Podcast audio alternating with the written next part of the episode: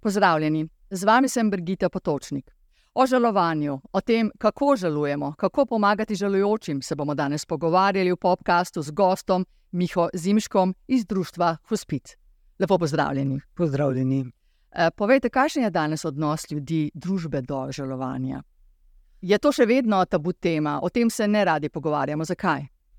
Zaenkrat je žal še kar tabu tema.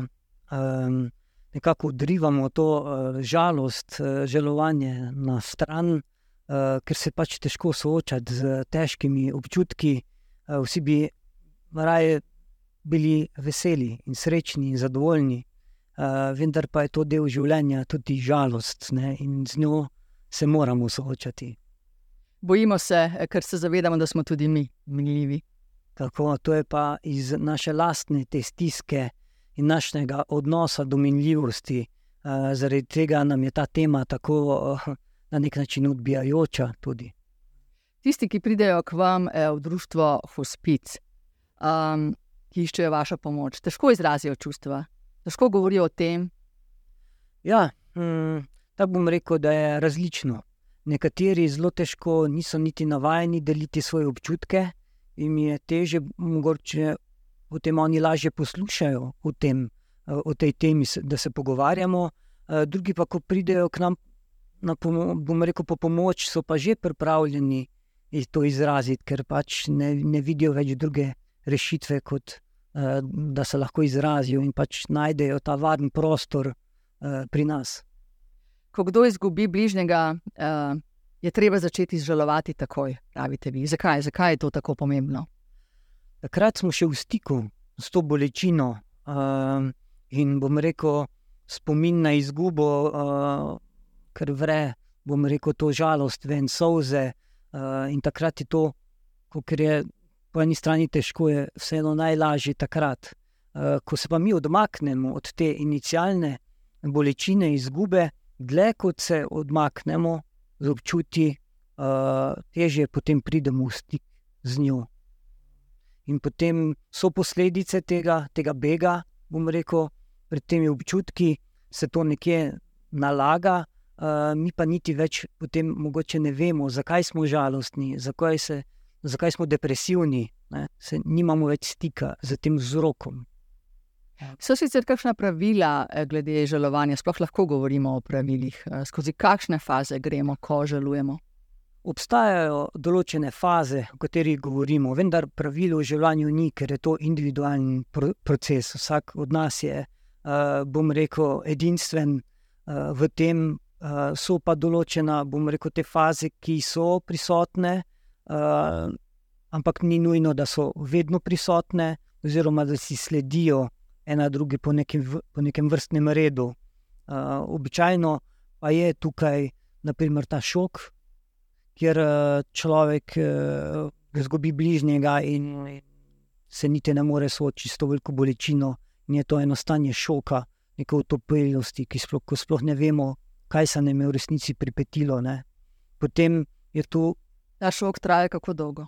To je spet zdaj odvisno, ampak običajno je to, rečemo, do ne 14 dni, 3 tedne, lahko mesec je že kar veliko, v tem času pa že potem uh, udira ta resničnost izgube, uh, in zdaj mi jo tu spet lahko zanikamo, ne, zbežimo od nje, uh, lahko pride za tem, lahko pride ta jeza, uh, zakaj se je to nam zgodilo. Zakaj, mi, eh, zakaj nas je nekdo zapustil, skozi vse te faze gremo, da pridemo do sprejemanja. Ko pa sprejmemo to resničnost, novo, da je življenje, tudi ja, če smo izgubili ljubljenega, se nam porušilo, uh, takrat pa potem pride tudi ta uh, globoka žalost, bolečina. Način želovanja je danes drugačen, kot je bil včasih. Recimo, včasih um, na podeželju so se več dni poslavljali od pokojnega, pokojni je bil hiši, v hiši v hišo so se hodili ljudje poslavljati, tolažiti, žalujoče. Je bilo to za nje breme ali ne? Ne, to je, bilo, to je zelo olajšalo ta proces poslavljanja, žalovanja. Zato, ker smo imeli čas, vzeli smo si čas za to, delili smo spomine za tistimi, ki so prišli, prišli na obisk. Zavedanje minljivosti je bilo večje, otroci so živeli s tem, otroci so se igrali naprej, ker teče življenje, seveda naprej, kljub da nekdo umre. Uh, prihajali so neki prijatelji, ki so delili spomine, ki mi sploh nismo jih poznali o tej osebi. Nam je tudi to podporno, da smo videli ali pa spoznali še neko novo uh, dimenzijo uh, tega ljubega, ki, ga, ki jo prej nismo poznali. In je vse to podporno. Danes je nekako uh, vse bolj brezosebno, mrliške vežice, časovno omejeno. Danes je vse to uh, precej sterilno, zelo hitro, ljudje ne znajo več postopati v teh primerih.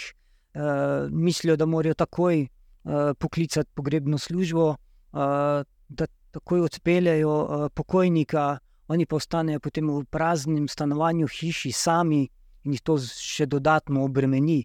Včasih se je pa vzelo čas, se je pokojnika umilo in s tem se je tudi poslavljalo od njega, tudi sprejelo se je, da, da je umrl, da ni več tukaj z nami.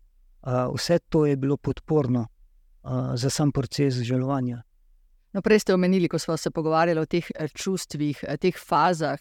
Uh, jeza je precej pogosta. Jeza je uh, precej pogosta takrat, ker uh, bomo rekel, zanikamo uh, to žalost. Vseeno je lažje biti jezen kot žalosten. Nekako si jezo bolj dovolimo. Je pa jeza vseeno uh, podporna v tem, da nam pa da pogum, da se izrazimo. Seveda je pod jezo pa ta žalost, katero moramo priti mi do nje. Se pravi, moramo tudi sprejeti nekoga, ki je jezen, da začuti, da kljub temu, da je jezen, je sprejet in potem bo začutil to varnost, da bo lahko delil pa še žalost. Lahko je uh, sprejeti, če me kdo uh, zavrne v jezi, teže je pa, ko me nekdo zavrne v žalosti, nas pa dodatno prizadene in uh, zaboli. Je pa to žalovanje odvisno tudi od tega, eh, v kakšnem odnosu smo bili eh, spokojni. To je zelo uh, pomembno, ja, uh, odvisno od tega, v kakšnem odnosu smo bili. Uh, če smo imeli hm, tega, bomo rekel, to osebo zelo radi, bo tudi ta bolečina toliko večja. Oziroma, spet kakšen odnos smo imeli, kako smo se, ali smo se poslovili, ali smo se pogovarjali o tem slovesu. Nam, nam je dosti lažje, kot pa če je neka nenadna smrt, naprimer, uh, ki nas preseneti in uh, bomo rekel, nam usoda iztrga ljubega iz rok, je, je občutek uh, fujši. Na kaj naj se opre tisti, recimo, ki je izgubil najdražjo osebo, kako se prebiti iz dneva v dan? Ja. Kako, kako svetujete? Kaj svetujete, kako pomagate? Mm, svetujemo, da si dovoli čutiti. Seveda, če je to prehudo, da lahko počnemo uh, sami, ker včasih nas bolečina zvije, uh, nas pritisne ob tla, in takrat je dobro, da imamo nekoga ob sebi, da nas vidi, da nas to laži. Potem pa jaz pravim samo pogumno, samo izraziti, kjerkoli prije ta občutek žalosti, ne zanikati ta občutek, kjerkoli smo. Ni pomembno, ali smo od zunaj, ali smo v vrsti v trgovini, vse to je naša resnica. In biti iskren je, to, je največja podpora. Najprej dati podporo samemu sebi, ravno s to iskrenostjo. Ampak recimo to eh, zanikanje žalosti, kaj se zgodi, če, če, če ne predelamo svojih eh, čustev žalosti? Če ne predelamo čustev žalosti, jo nekak, na nekak način želimo odrezati. Ne, želimo odrezati to pod narekovajem negativno čustvo, uh, takrat uh, mi režemo celotno paleto čustev, vsa občutja. Mi ne moremo selektivno odrezati žalosti in potem verjeti, da bomo lahko še srečni, pa izpolnjeni, radostni. Te to ne gre, ko mi odrežemo eno čustvo, odrežemo vse in potem utopimo, in življenje jim nima več pomena, več, ne najdemo veselja, in zato mi tudi želujemo in jočemo, da lahko smo potem tudi srečni. Koliko podpore imajo sicer tisti, ki uh, izgubijo bližnjega, kdo se z njimi ukvarja, recimo poleg uh, uh, znotraj družine? Uh, to so uh, psihologi in pa bom rekel tudi mi, uh, pridejo k nam na te individualne pogovore, uh, ker jim nudimo to oporo, sprejemanje, seveda najprej in jim prisluhnemo. Uh, potem so to tudi uh, skupine, ki jih organiziramo, želujoči za želujoče odrasle, kjer oni najdejo, bom rekel, uh, posameznike z podobnimi izkušnjami, ker lahko delijo uh, med sabo svoje izkušnje, se slišijo. To je največja podpora tudi njim, da niso sami. Da vi že dolgo časa delate v društvu Hospic, eh, pomagate želujočim. Kako vam pa recimo pri tem pomagajo vaše lastne izkušnje? Zelo, bom rekel, moje osebno žalovanje, eh, ko si šel skozi njega, lažje razumeš, kaj nekdo čuti. Eh, ti veš, skozi kaj vse si šel, eh, kako si sprejemal samega sebe, potem kako si se soočil z minljivostjo, ker pride pač tu zavedanje minljivosti. Se pravi, kako si, so, si se soočil s strahom pred smrtjo, lastno. Vse to je, bom rekel, res izjemno podporno. Kdaj ste se vi, recimo, prvič soočili s smrtjo? Uh, prvič uh, sem se soočil s smrtjo, ko mi je umrla moja uh, stara mama, uh, na katero sem bil zelo uh, navezan. Uh, ona je bila, bom rekel, moj uh, mentor življenja, moj največ, najbolj modra oseba, ki sem jo poznal in od nje sem se veliko učil. In je potem bila ta izguba, uh, me zelo prizadela, takrat kot otrok nisem zmogel, da bi se od nje poslovil, seveda sem jo obiskoval, ampak proti koncu, eh, bom rekel, zadnje nekaj dni, pa žal nisem zmogel takrat eh, te moči, da bi se od nje poslovil, se ji zahvalil za vse, kar je naredila eh, za mene, za vse najne skupne trenutke. Uh, ampak sem takrat najdel ta beg v, v zelo, uh, bom rekel, popularnem Eh, želim si jo ohraniti takšno, kot je bila v spominu. Zato je niste obiskali. Tako. Me, Koliko ste bili stari? Bil sem star, mislim, da okoli 12 let. In, ampak je potem to zelo, bom rekel, me obtežilo, mi je obležalo na srcu. In sem kar nekaj časa potem potreboval, da sem se od tega, mm, da sem to preoblikoval, da sem to sprejel, da sem to žaloval. Ne bi rekel, da sem na te tabore hodil tudi kot sam, kot uporabnik, da sem izkoristil ta prostor, ker sem lahko delil to bolečino. Ker tukaj je pač bilo tudi hm, neka uh, obtožba, da, da sem pa pozabil na staro mamo, ne, strani, bom rekel, strica. Uh, je rekel, ker smo se mi, bom rekel, mlajši za mizo nekaj zasmejali, ker smo se pogovarjali otroci. Um, ampak potem je pokazal na mene in je rekel, ti pa uh, nisi imel rad stare mame, ravno kar smo jo pokopali, ti se pa smiš. In je potem ta občutek krivde zelo globoko zarezal v moje srce. Uh, in sem rabo nekaj časa, da sem oprostil strico, da sem ga razumel, da je bil tudi on prizadet in je v tisti jezi to spregovoril. In da jaz nisem kriv, da je čisto normalno, da se otrok tudi zasmeji, kljub takih bom rekel, težkih eh, trenutkih ne, ali pa dnevih. Se pravi, to, to je povsem normalno, da se eh, ja, tudi smejimo, kdaj v tistem času, ko žalujemo. Se potem tudi skupaj jokamo. Točno to, vse počnemo, vse je del življenja. Tu se skupaj jokamo, se budrimo, se to lažimo, in potem se lahko tudi veselimo, eh, eh, smejemo. Že bom rekel, ni, ni, to je lahko zelo hitro. Uh, ampak je vse to del življenja in je vse to dovoljeno, in ne obsojamo tega. Kako pa naj recimo pomagamo ostali želujočim? Smrt je stigmatizirana, vemo, to je tema, o kateri se ne radi ali se sploh ne pogovarjamo.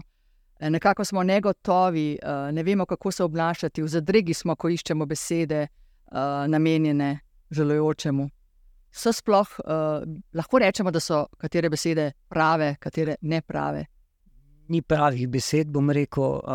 Pravi je samo ta trenutek, takrat, kjer smo z nekom uh, zažalujočim in pomembno je, da sledimo njemu, da smo tu sočutni, uh, da nam dajemo ta občutek, da smo prisotni, da smo z njim, da ko smo z njim, smo res z njim, da nam naša pozornost ne bega na okolje, potem je bolje, da se upravičimo. Pa rečemo, veš, nimam trenutno časa. Ne? Bo razumel, vsakdo bo razumel. Ampak, ko pa nekomu uh, posvetimo ta čas, sploh želujočemu, prej, prej sem povedal, je zelo pomembno, da ga ne zavrnemo takrat, ko bi se pa on želel pogovarjati o tem. No, takrat si pa res vzamemo čas in samo sledimo. Včasih je res dovolj, samo da smo, da smo prisotni. Začutimo, ko začutimo, ga tudi objamemo. Včasih je že, da je zelo rahločutno uh, početje. Bom rekel, včasih že samo z enim objemom prekinemo to, ker iz vlastne stiske reagiramo. Želeli bi mu odzeti to bolečino, ne? ampak jo ne moremo. On jo lahko samo odloži. Jo ne moremo za nobenega, ne moremo kar odzeti s čarobno palčko in jo zbrisati. To ne gre. Lahko smo pa podporni na njegovi poti, te odlaganje te iz, eh, bolečine. Se pa včasih eh, tudi bojimo, da ne bi bili preveč usiljivi. Ja, eh, tiste pa bolje preveriti. Ne? Eh, vprašamo nekoga, ali bi si želel, da ostanem tukaj s tabo, ali bi želel biti sam, ali si želiš z mano iti nekam, da povabimo. Vse to je dovoljeno, ampak nikoli pa ne potem ne ustrajamo v nekem svojem vidiku, kako bi se lahko nekdo soočati z izgubo, z, kako bi lahko želovati. Ne? Nikogar ne silimo, lahko ga pa povabimo in seveda spoštujemo njegovo odločitev. Za druge gre življenje naprej po starih ternicah, tistemu, ki je pa izgubil bližnjega, pa ni ne do družen, e, ne do zabav. E, lahko se zgodi, da se nekateri začnejo takemu človeku izogibati, kar ga še dodatno prizadene. Tako, um, jaz pravim, da zgodi se lahko tudi ta sekundarna uh, izguba, ker mi, ko nekoga izgubimo, potem izgubimo še ta krok prijateljev, ki smo ga imeli prej. Uh, mi postanemo mogoče preobremenjujoči za, za, našo, za naše prijatelje, ker pač mi želujemo in potrebujemo ta prostor, ki nam ga pa oni ne, ne zmorejo dati zaradi nekih lastnih stisk, naprimer. In uh, tu je pomembno, da mi, kot žalujoči, uh, jih ne obsojamo. Pač nekdo ne zmore tega, kar si mi želimo. Verjamem pa, da najdemo nekoga, ki pa to zmore. Uh, če mi bomo iskali nekoga, uh, ga bomo našli. In tukaj uh, se zgodi, kar je pa zelo boleče, bolj boleče pri, pri, pri mladostnikih, ki so zelo navezani na prijatelje, da zelo veliko pomeni da pa izgubijo te prijatelje in potem se počutijo res osamljeni, odrezani, stigmatizirani, niso več vredni življenja, ki se pa, ima, bom rekel, kar lahko hude posledice. Pravite, da je najpomembnejše pri žalovanju to, da, eh, da smo slišani, da je bolečina prepoznana. To je najbolj pomembno, da si viden v tem, da trpiš. Uh, to ti da neko oporo uh, in ti je lažje, da te nekdo sliši v tem. Um, bom rekel, včasih so imela ta ljudstva, so, so cela skupnost je stopila skupaj in te podprla in te pokazala na nek simboličen način, a je kak predmet so dal pred vrata, ki je spremenil videz ulice. In ko si ti pogledal skozi okno, pa si videl, da je ulica čist drugačna crkva, skupnost ve, skupnost je pokazala, tudi mi smo izgubili člana skupnosti, tudi nam je hudo in potem lahko delimo, to, to nam, uh, nas zelo podpre. Kaj pa recimo, če želujoči uh, noče govoriti o tem, se zapre? Hmm. Kaj pa potem? Potem ga pač pustimo, seveda, tako sem prej povedal, ga povabimo, da nagovorimo v to. Ampak če je tu stiska prevelika, pač ne moremo nekoga siliti. Mi pravimo, takrat, ko nekoga silimo, bo ta frustracija iz obeh strani večja. Mi, ker ne bomo imeli nekih pričakovanih, bom rekel, rezultatov. Uh, nekdo drug bo pa porabljal še to, bom rekel, energijo za to, da, da na, bo nam končno rekel: Ne, pusti me pri miru, ne želim si pogovarjati o tem. Ko bom pa pripravljen bom pa že prišel. Mi moramo samo ponuditi ta prostor, dati ta občutek, tukaj sem zate, če me boš potreboval. No, vi se danes ukvarjate predvsem eh, z otroki. Kako pa otroci doživljajo uh, smrt, uh, kako žalujejo v primerjavi z odraslimi? Je kaj drugače? Drugačen je mogoče ta odziv, uh, ki ni mogoče tako uh, jasen kot pri odraslih.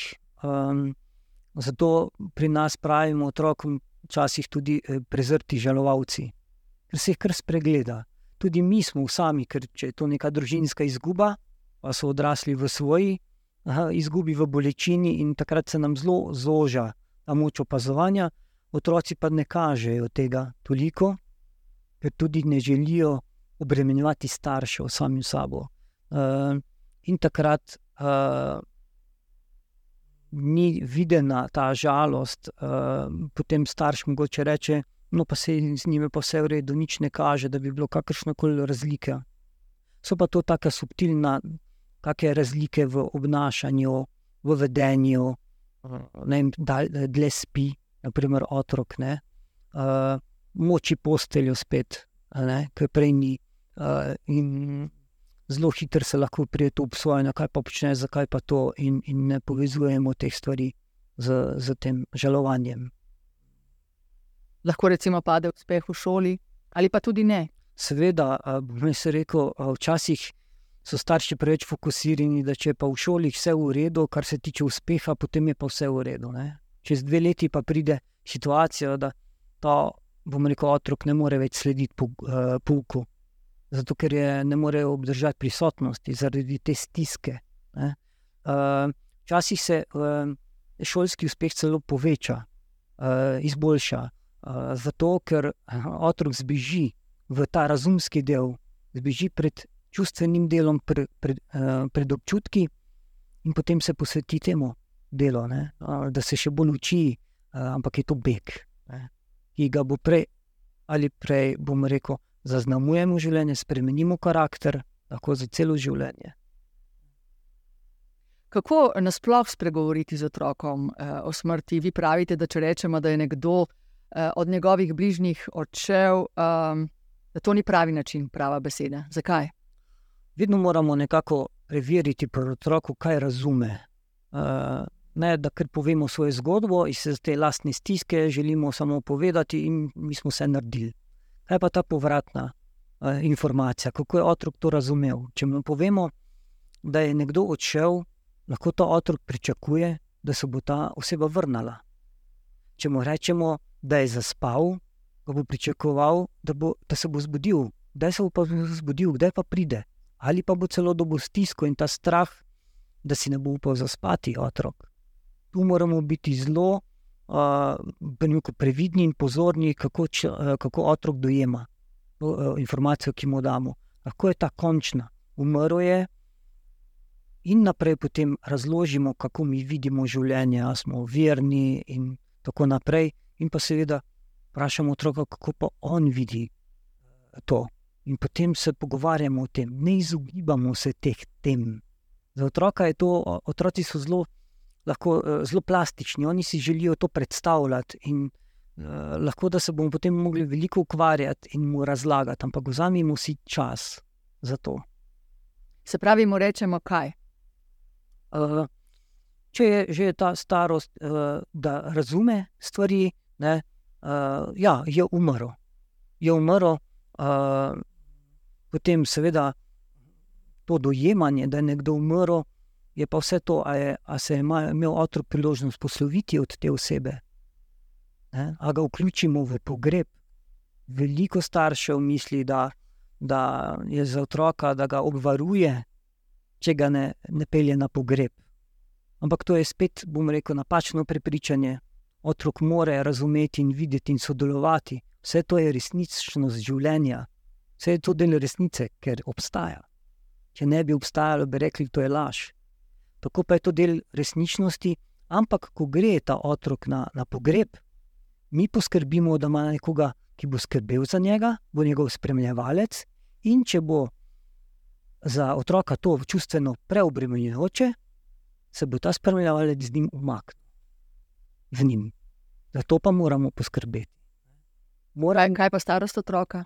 starost tukaj ni, bom rekel, starost. Zdaj, mlajši, uh, kot so um, otroci, uh, ki še ne razumejo, oni čutijo. Ne? Oni se navezujejo na čutenje staršev. In je v redu, jaz tu ne vidim nobenih razlik. Eh, Starejši kot so otroci, mm, pač rečemo 4 leta pa naprej, je pa, oni pa že razumejo in jim pač povemo, lahko jih celo dobro je, da jih vprašamo, ali bi si želeli. Tudi otrok lahko zavrne in reče: Jaz pa ne bi želel, in spet ga ne silimo. Vse je z povabilom. To je pomembno, svobodna volja, da se otrok sam odloča o tem. In kaj potem še rečemo otroku? Recimo uh, to, da je eh, dedek, babica, Dedek, da je babica, umrla, Ja, tako je umrla, in zdaj spet, kakšna so naša prepričanja. A mi to uh, razumemo kot neko dokončnost, da nič več po smrti ne obstaja, to je potem naše, lastno. Kar se tiče pa te ljubezni do te osebe, pa lahko povemo, da ta se pa ne konča. Se je pa enako, če neka oseba danes ne vem, odpotuje na konec sveta, smo ga tudi izgubili za določen čas, ampak naša, naša ljubezen do njega se ne spremeni. In mi se lahko naprej pogovarjamo v mislih s to uh, osebo in delimo svoje občutja, svoje poglede, svoje misli z njo še naprej. In uh, to pa ni, rekel, pravila, da se mora končati. Ne? Starši, ki uh, tudi žalujejo, morda mislijo, da morajo biti močni, da ne smejo pokazati šibkosti pred uh, otrokom, uh, joka. Uh, prepričani so, da ga s tem nekako zaščitijo, pa je to, uh, mu s tem res pomagajo. Ne, s tem prav nič ne pomagajo, ker tako sem, bom rekel, tako kot sem povedal prej, je, da otrok se opazuje starša in on zelo dobro ve, zelo dobro čuti, kaj starš čuti. In zdaj, če uh, starš ne izraža to, kar tudi čuti, uh, je to v otroku, uh, je otrok zbegan.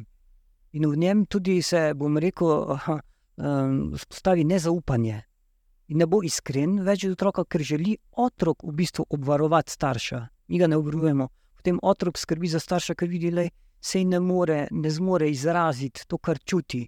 In zdaj ga pa jaz ne bom obremenjeval, ker je že on ne zmore. In potem je v bistvu, da otroci skrbijo za svoje starše.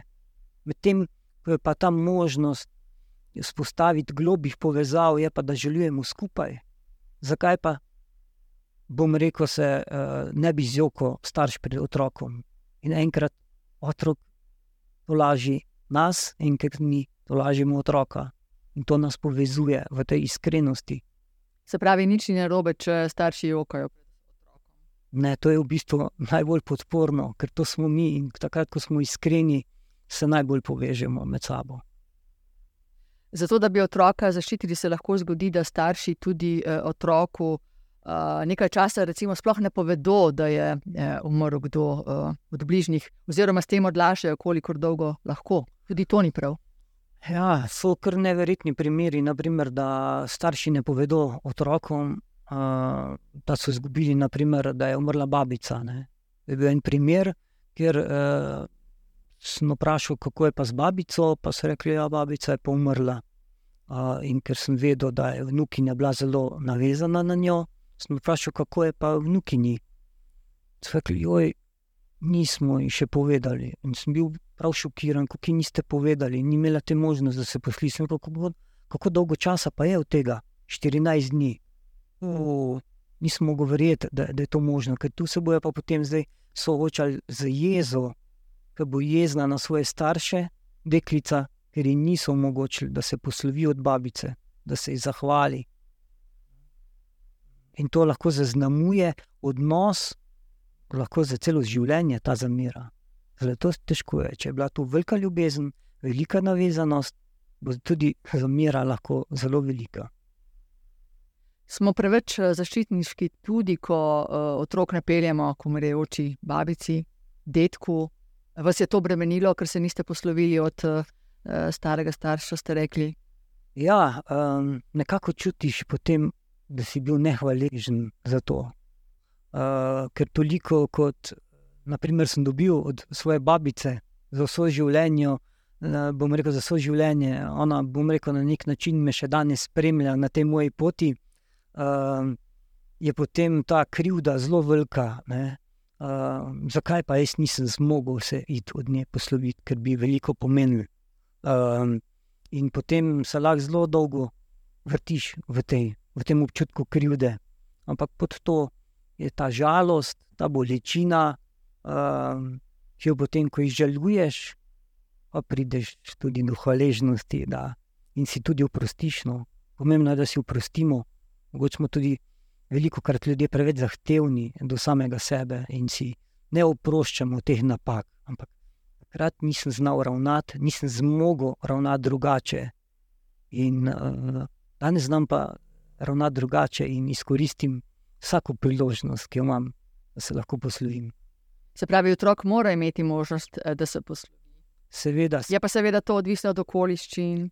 Tako, od starosti. Od starosti, od dinamike v družini, kako se mi delimo, kako smo povezani, kako se pogovarjamo odkrito, resnica življenja kot je minljivost. Uh, nekje je to povsem naravno, se niti ne ukvarjajo s tem, kaj bi mogli, ampak samo je, ve, vedo, da, da je del življenja babica, tudi naprimer, ko se poslavlja. Se ni ona nič spremenila v tem, babica je še vedno babica, in jo imamo radi. In otroci enako. Otroci se poslavljajo, bom rekel, zelo naravno, mi se lahko učimo od njih. Je prava pot, recimo, eh, ko govorimo o žalovanju otrok, da ga nekako uh, zamotimo, mu, damo, mu naložimo nove aktivnosti, mm. naprimer več treninga, da nima toliko časa razmišljati. To ni dobro. Seveda, otrok potrebuje tudi razvedrilo ob tem. Ne more otrok več čas samo razmišljati o tej izgubi, uh, s, s, tej, s, rekel, s težkimi občutki, se soočati. Um, naprimer, tudi šola je en dober uh, ta okvir, ne, v katerega vstopa. Včasih jaz povem, recimo, ko gremo otrokom na šoli, uh, ker je bila kakšna izguba, pa bo sošolec vrnil v šolo, jih opozorim. Bodite uh, pozorni, uh, ko pride, lahko mu vi izrečete moje sožalje, ne pa preveč drezati v njega. On, otrok, že doma v družini, ga več čas, bom rekel, se sooča, pa spremlja ta izguba. Mogoče za njega oddih, ko pride v šolo in je nek strukturiran, bom rekel, čas, kjer lahko on malo pozabi. Ne? To je zelo dobro. Ne pa da ga potem ta, ali pa treningi, ali pa kakšne igre, da pa mi to povečujemo pretirano. Samo te okviri, ki so že prej obstajali, to daje otroku varnost, da kljub temu, da doživi neko težko izgubo ali pa izkušnjo v življenju, se določene stvari v življenju vseeno ne bodo spremenile. In tu najde svojo varnost, svojo moč, pogum, da se lahko sooča z temi eh, težkimi izkušnjami. Res ste omenili uh, sošolce, ravnanje sošolcev, ampak uh, ignoranca pa tudi, uh, pa tudi ni. Ne, ne ni. Uh, rekel, preveč vrtanja ni v redu, da pa ignoriramo, kot da se ni nič zgodilo, je pa spet tisto, vsi vemo, da se je zgodilo in obvisi v, v zraku. Uh, naprimer, ena gospa je pra, uh, povedala, ko so praznovali uh, rojstni dan otroka, predtem so pa izgubili uh, družinskega člana. In je rekla, sniko, kako ste se pa počutili tam? Ja, ni bilo dobro čutek, rojstni dan ni bil tisti rojstni dan. Vse, ko vidite, če bi pa nekdo samo bil pogumen, pa bi samo rekel, pogrešam ga, bi pa mogoče zjokali in bi potem še imeli priložnost, da se tudi nasmejite, kaj v tistem večeru. Tako se je pa vsak zadržoval to, kar čuti in to je obvisel v zraku. Mi pa vsi vemo, da smo izgubili nekoga. Dajmo nagovoriti o tem, seveda pa ne potem ustrajati, da morajo pa vsi sodelovati pri tej temi, ali pa da, da je več čas samo ta tema. Skratka, eh, to lažba eh, je tista, ki je pomembna, ne pa pomilovanje. To je zelo pomembno. Jaz, naprimer, na taborih, ko gremo z otroci, uh, naprimer, igramo nogomet. No, vi uh, sicer uh, ste. Organizirate tabore, oziroma društvo Hospic, vi jih vodite, tabor Leve Srčni, namenjen je otrokom, o tem bomo sicer še govorili. Uh, Ja, um, to so naši tabori za želujoče otroke. In, um, tam, bom rekel, je pomembno, zelo sploh pri otrocih, da, da ni tega pomelovanja. Da ni, da se nekdo, nekdo smilo, ker to pomeni, to niso čutje. Mi takrat gledamo zviška na nekoga, ne, koga pomiljujemo. In ne čutimo njega, in s tem tudi ne, ne, ne razumemo, kaj bi bilo podporno za njega. Mi se, bom rekel, smo iskreni v tem, kdo smo tudi mi. Zakaj se ne bi tudi razjezil, ali te užalosti, rečeš, tole pa za mene je bilo neprimerno, ni bilo dobro. To ostaja enako. Ne? Ko pa nekdo želi se pogovarjati o tem, pa v žalosti, pa tudi ne zbežimo, ampak ostanemo in mu ponudimo ta prostor, kamor lahko zlije vse to. Kako pa je sicer pri nas eh, poskrbljeno za žalujoče otroke? Imajo podporo, imajo dovolj podpore. Ne, ne mislim zdaj v družini. Um, imajo, bom rekel, podpora je, obstajajo strokovne pomoči. Uh, vem, da rekel, v zadnjem času je bilo kar nekaj uh, posameznikov, ki so povedali, da niso prišli na vrsto, da so vrste daljše uh, in da tudi več, tako pri psihologih, da tudi čakajo po več mesecev. In zato se tudi obračajo uh, na nas več v zadnjem obdobju. In, uh, A spet bom rekel, ta, da so spregledani želovalci, je zelo tempo življenja, je hiter, eh, želimo vse kar uh, rešiti tukaj in danes, in otroci ostanejo tam nekje zadaj uh, in nimajo te podpore in se soočajo sami. Vemo, da ta žalost, ki je neželovana, lahko vodi v depresije, uh, v neke nezdrave navade, razvade, odvisnosti. In to ni dobro morda sicer tudi ljubeči starši, ne, ki pa ne znajo pomagati. Tako lahko so ljubeči starši, ki bi želeli, pa ne, ne vidijo, pa mogoče dajo otroku, otroku potuho. Ne, se spremenijo tisti okviri, ki so jih prej imeli, uh, neke zadolžitve, ki so jih otroci prej imeli, ki so jih mogli, uh, morali uh, izvajati, in sedaj jih kar odzamemo, ker so pač ne, bogi, se nam smilijo in jih. In jim odstranimo vse te. To so pa tisti ukviri, ki jim pa dajo vseeno varnost, da se nič ne bo spremenilo. Vrednote, ki smo jih prej gojili, bodo ostale enake. To je, to je nek ta temelj.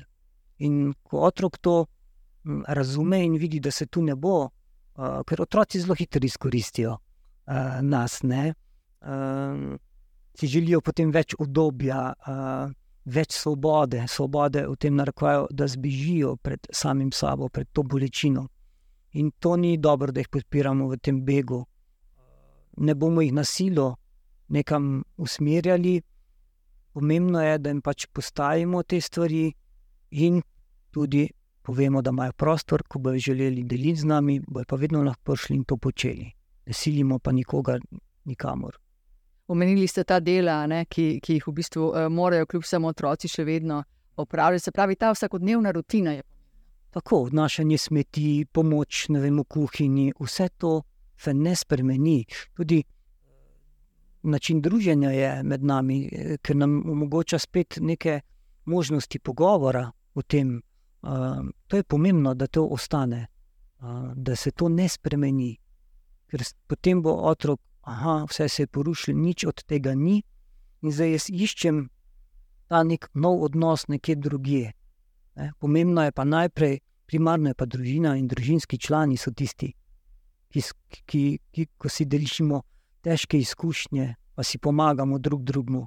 Seveda, ko pa to ne zmoremo, pa poiščemo pomoč izven družine, bomo rekli, pa te naše oskega kroga uh, ljudi. Naprej so že začela pogovor o tem, uh, o taboru, hm. da je srčni, uh, vi ste njegov koordinator. Uh, kako starim otrokom, koliko starim otrokom je namenjen? Tabor je namenjen uh, otrokom starosti od 5 do 17 let, in uh, da ne mine, uh, bom rekel, od izgube dlje kot dve leti, ali pa da je uh, izguba, bom rekel, znotraj še treh mesecev. Zato, ker pri treh mesecih, bom rekel po treh mesecih, pa znotraj treh mesecev je bolečina še tako huda, da potrebuješ večjo pozornost in ne moreš delovati v skupini. Tam je bolje individualni pristop. Kar se tiče po dve leti, je pa že odmik od te bolečine, od izgube tako daleč, da se že ti težko spet vrneš k njej in deliš. Ne? Uh, in ne boš sodeloval, naprimer, pri pogovorih, pri dejavnostih, in si potem lahko, bom rekel, na nek način moteč. Uh, in je spet bolje individualni pristop. Uh, pet let je tu, bom rekel, starost, kjer otrok lahko deluje v skupini, drugače pod petimi leti se to tretira kot uh, varstvo. Ne? Tu pa nekje imamo do 17 let, uh, je pa ta zgornja meja starosti za mladostnike. In koliko otrok, recimo, pride na, na tabor? Organizirate jih več? Uh, tabor, smo jih že organizirali tudi dve, dva tabora, le srčnih na, na leto. Uh, sedaj nam uspe enega, pa odvisni smo od sredstev, uh, od donacij za tabore, ker uh, tabor je za otroke brezplačen. Um, in organiziramo v bistvu enega na leto, in to je 30 otrok. Leto, Pravi, je kar precejšnje zanimanje. Zanimanje je več, kot pa ponudimo. Uh, letos, bom rekel, smo uh, pelali na tabor uh, vse otroke, samo tiste, ki so bili vključeni v naša, imamo leve srčna druženja po posameznih odborih v Sloveniji, uh, kjer otroci prihajajo na delavnice, kjer se lahko pogovarjamo o, teh, o tej temi. Uh, in niti nismo oglaševali na vzven, uh, ker smo zapolnili tabor. Že, uh, bom rekel, je bilo 30 otrok. In jaz mislim, da bi lahko ne drugače dva, tri tabora na leto, najmanj. Najbrž je tam otrokom lažje, ker vidijo, da niso, eh, da niso sami, ki doživljajo eh, bolečino, zgubo. To nam je najbolj podporno, ne? Eh, da obstaja še nekdo nekje, ki je imel podobno izkušnjo. Kdo pa nas bo razumel, če ne on? Ne? On nam tudi ne bo pametoval, kaj je prav, kaj je narobe, nas bo lažje sprejel, ker je tudi sam se sooča z izgubo. In tukaj so otroci res eh, se povežejo med sabo, delijo iskreno. In tukaj bom rekel, samo malce koordiniraš, vse ostalo pa oni sami peljajo, ko začutijo to varnost, da, je, da, da so sprijeti. In se odprejo. Takrat se odprejo, zdaj spet je. Vsak tabor je eh, različen. Na enem taboru, naprimer, smo po eni delavnici, ne vem, smo jokali uro pa pol. Ne. Na, enem drugem taboru je bilo ura pa pol tišine, nihče ni nič spregovoril, ampak se je pa vse preko papirja, vse so pa narisali vse. Uh, ni zdaj, uh, da mora biti spet nek vzorec, uh, kako se mora odvijati. Ne. Pomembno, da se dogaja ali nekdo po tem izrazi, ampak gre skozi proces, uh, lahko tudi če te ne izrazi uh, na vzven, se pa znotraj. To, ampak vidi se potem to na obnašanju otrok. Kaj pa starši, eh, ki želujejo za otrokom? Um, seveda je težko govoriti o tem, katera eh, smrt je tista, ki nas bolj prizadene, ampak uh, strah staršev izgubiti otroka uh, je res strašljiv. Mm, v društvu Hospice se srečujete tudi starši, ki so izgubili otroka. Da, se... Kaj jim rečete? Težko je, včasih je bolje, da si tiho, kot pa da bi želel reči, da vem, kako vam je. Ne veš, enostavno. Jaz ne vem, povem, razumem, da se vam je svet, zrušil, uh, niti ne morem vedeti, kako vam je. In potem sami starši začnejo pripovedovati, uh, kako hodo, kako je težko se soočati z vsem tem. Uh, tukaj je spet, bom rekel, specifičnost. Ne? Izguba otroka ni enaka. na nek način se težko najdejo starši, ki so izgubili otroka z, vem, v skupini, da bi bili z nekom, ki je ne vem, odraslega otroka izgubil, ni enako. Um, zato je tukaj, če je možnost, da povežemo uh, starše, ki so izgubili otroka približno iste starosti, da se oni lahko med sabo podpirajo in si delijo uh, te zgodbe. Uh, je pa seveda to grozno. Seveda je tu tudi razlika, naprimer, ali pa izguba po samomoru, ker nosi veliko sramu v družini. In potem je tudi to ena specifična, bom rekel, izguba, ki jo spet ne sodi, se težko najdejo te ljudje v nekih drugih uh, skupinah. Je sploh mogoče preboleti smrt otroka? Preboleti, uh, pozabiti ne, preboleti pa skozi leta se bo ta žalost, če želujemo, uh, se bo zmanjšala intenzivnost. Pogrešali ga vedno bomo. Izguba bo vedno tu prisotna, je pa, da lahko prideš. Bom rekel, tako sem sam prišel pri neki te, bom rekel, izgubi. Je, da na koncu prideš do te hvaležnosti, da si pač nekoga imel ob sebi, pa tudi če si imel za ta kratek čas, uh, si imel to priložnost in najdeš, bolj ko mi želujemo, več gre teh te teže in težkih spominov. In bolj nam pridejo v spredju te lepi spomini, ki smo jih preživeli. Če pa mi to odrežemo, odrežemo tudi spomin na to osebo, ki je pa veliko hujši za nas, kot pa ne, da se jo mi potem lahko spomnimo, pa govorimo o njej. Čeprav je težko. Ne moremo kar izbrisati eno osebo, ki smo imeli. Čeprav je tako hudo, je vseeno laže, da se soočamo z izgubo in žalostjo.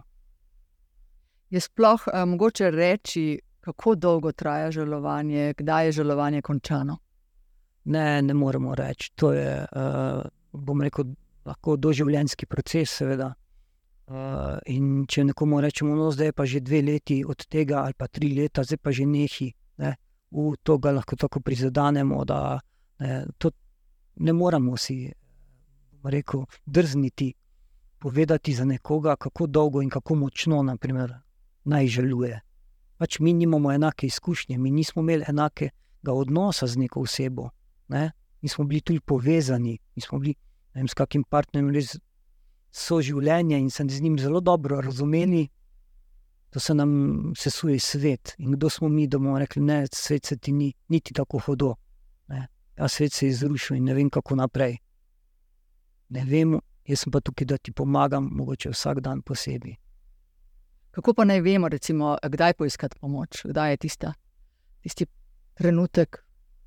Ja, pomoč je najbolje poiskati takrat, ko ko vidimo, da ne zmoremo več sami, da, da ne moremo ne vem, niti zapustiti več hiše. Sveda, en del žalovanja je tudi ta, da želimo več samote, ne, ne želimo več toliko aktivnosti. Je, bomo rekel, eno obdobje, ki, ki smo želeli bolj sami, da samega sebe slišimo, da smo svojimi mislimi. Ampak, če gre pa to v neko uh, težjo obliko, ne, uh, depresije, potem pa je bolje poiskati pomoč.